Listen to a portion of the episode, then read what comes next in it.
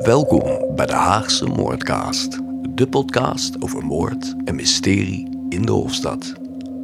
Dat de Hagenezen vroeger niet vies waren van een partijtje bloedvergieten, dat hebben jullie in de vorige aflevering al kunnen horen. Ja, voor een lekkere executie, daar kwamen de Hagenezen hun bed wel vooruit. Zeker als er een hooggeplaatst persoon ter dood zou worden gebracht. Dus op woensdag 13 mei 1619 stond er s'morgens om 7 uur al een menigte van zo'n 3000 man verzameld op het Binnenhof. Ze wachten maar op één ding: de onthoofding van Johan van Oldenbarneveld. Even terug naar de geschiedenislessen van vroeger. Johan van Oldenbarneveld, wie was dat ook alweer?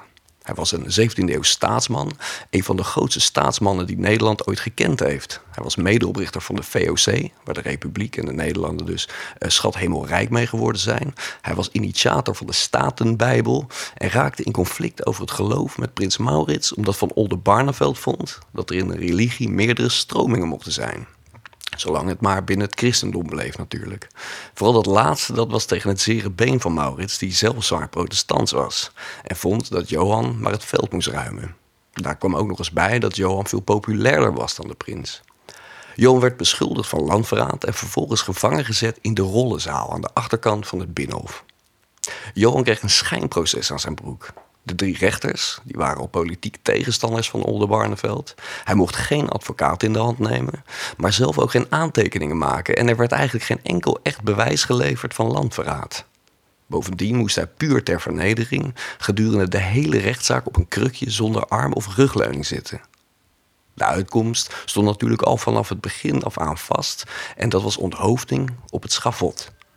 Op die woensdagochtend, 13 mei 1619, werd er aan de voorgevel van de ridderzaal een professorisch houten schavot getimmerd. Ondersteund door zijn knecht, Jan Franke, en met in zijn andere hand een wandelstok, het beroemde stokje van Van Oldenbarneveld, eh, waarvan verschillende Nederlandse musea trouwens claimen de originele te hebben, beklom eh, Johan langzaam het schavot. Het eerste wat hij zag uh, was de voor hem bestemde doodskist, uh, het was echter geen kist die je zou verwachten bij een staatsman van adel met zijn staat van dienst. Men was namelijk vergeten om een mooie kist te bestellen, dus hadden ze er snel eentje uit de voorraad gehaald. Een ruwe kist die eigenlijk bedoeld was voor moordenaars. In de 17e eeuw gebeurde onthoofding niet door middel van een houten blok. De veroordeelde moest zelf knielen voor een berg zand, wat daar lag om het bloed op te vangen. Maar een stoel of een kussen voor de oude man waren ze ook al vergeten. Dus van Oldenbarneveld knielde moeizaam met zijn blote knieën op den blote planken. Toen hij eenmaal was geknield, beval de bul hem weer op te staan. Want de zon scheen namelijk in zijn ogen en zo kon hij niet goed mikken. Toen der tijd ging het gerucht dat dit een opdracht was van prins Maurits, zodat Maurits van Oldenbarneveld in de ogen kon kijken bij de onthoofding. Johan kwam weer overeind, draaide en zakte opnieuw door zijn knieën. Hij zei een gebed, trok zelf zijn hemd uit en trok de slaapmuts over zijn oog en hield twee vingers voor zijn borst. Zijn laatste woorden waren: Maak het kort. En met één welgemikte slag sloeg de bul zowel niet alleen het hoofd, maar ook de twee vingers af. Het bloed spoot natuurlijk uit de halsslagaderen. Het publiek probeerde er wat van te bemachtigen om mee te nemen of te verkopen. Want het was niet alleen leuk, een leuk middagje uit, maar viel ook geld te verdienen. Het lichaam, het hoofd en de twee vingers werden in de kist gelegd en vervolgens losselijk toegespijkerd. Daarna werd de kist bijgezet in de hofkapel. Er hangt op het binnenhof nog steeds een plaquette die ons daaraan herinnert. Maar of zijn lichaam daar nog ligt, dat is niet zeker. Het werd zijn familie verboden om het lijk op te eisen, omdat Maurits bang was dat het graf een bedevaartsoord zou worden. Maar er gaan verhalen dat de familie midden in de nacht stiekem met een zwarte koets en zwarte paarden, wiens hoeven waren omwikkeld met doeken, toch het lichaam uit de hofkapel hebben gehaald en elders hebben begraven.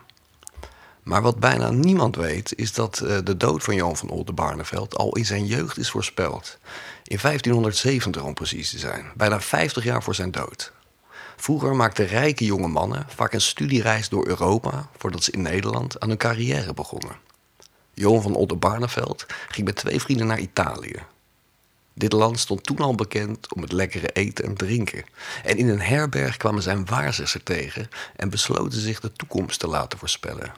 De waarzegster vertelde hen: Een van jullie zal weldra in de gewelddadige dood sterven.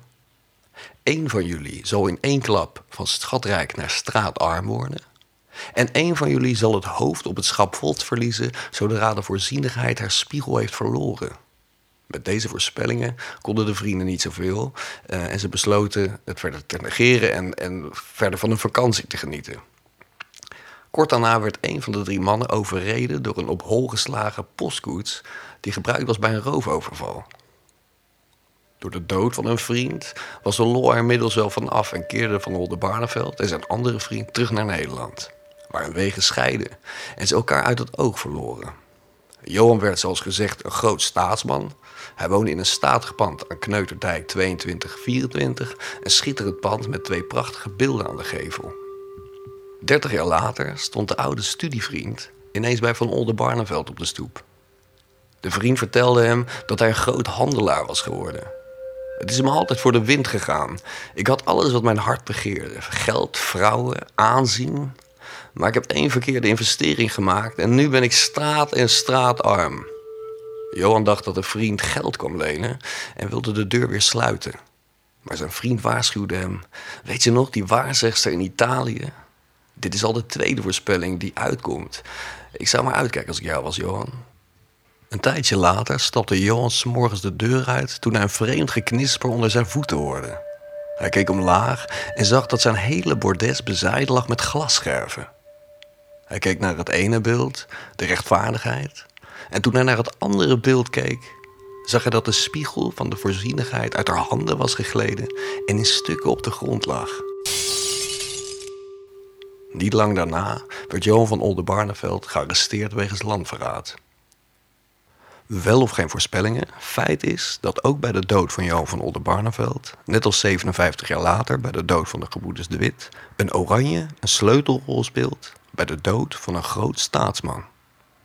Bedankt voor het luisteren en tot de volgende aflevering van de Haagse Moordcast.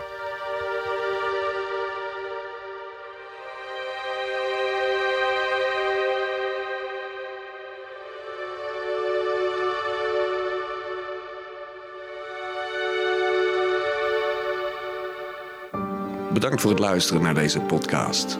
Voor foto's en updates verwijs ik jullie door naar mijn Instagram of Facebookpagina Haagse Moordcast. Tot de volgende aflevering.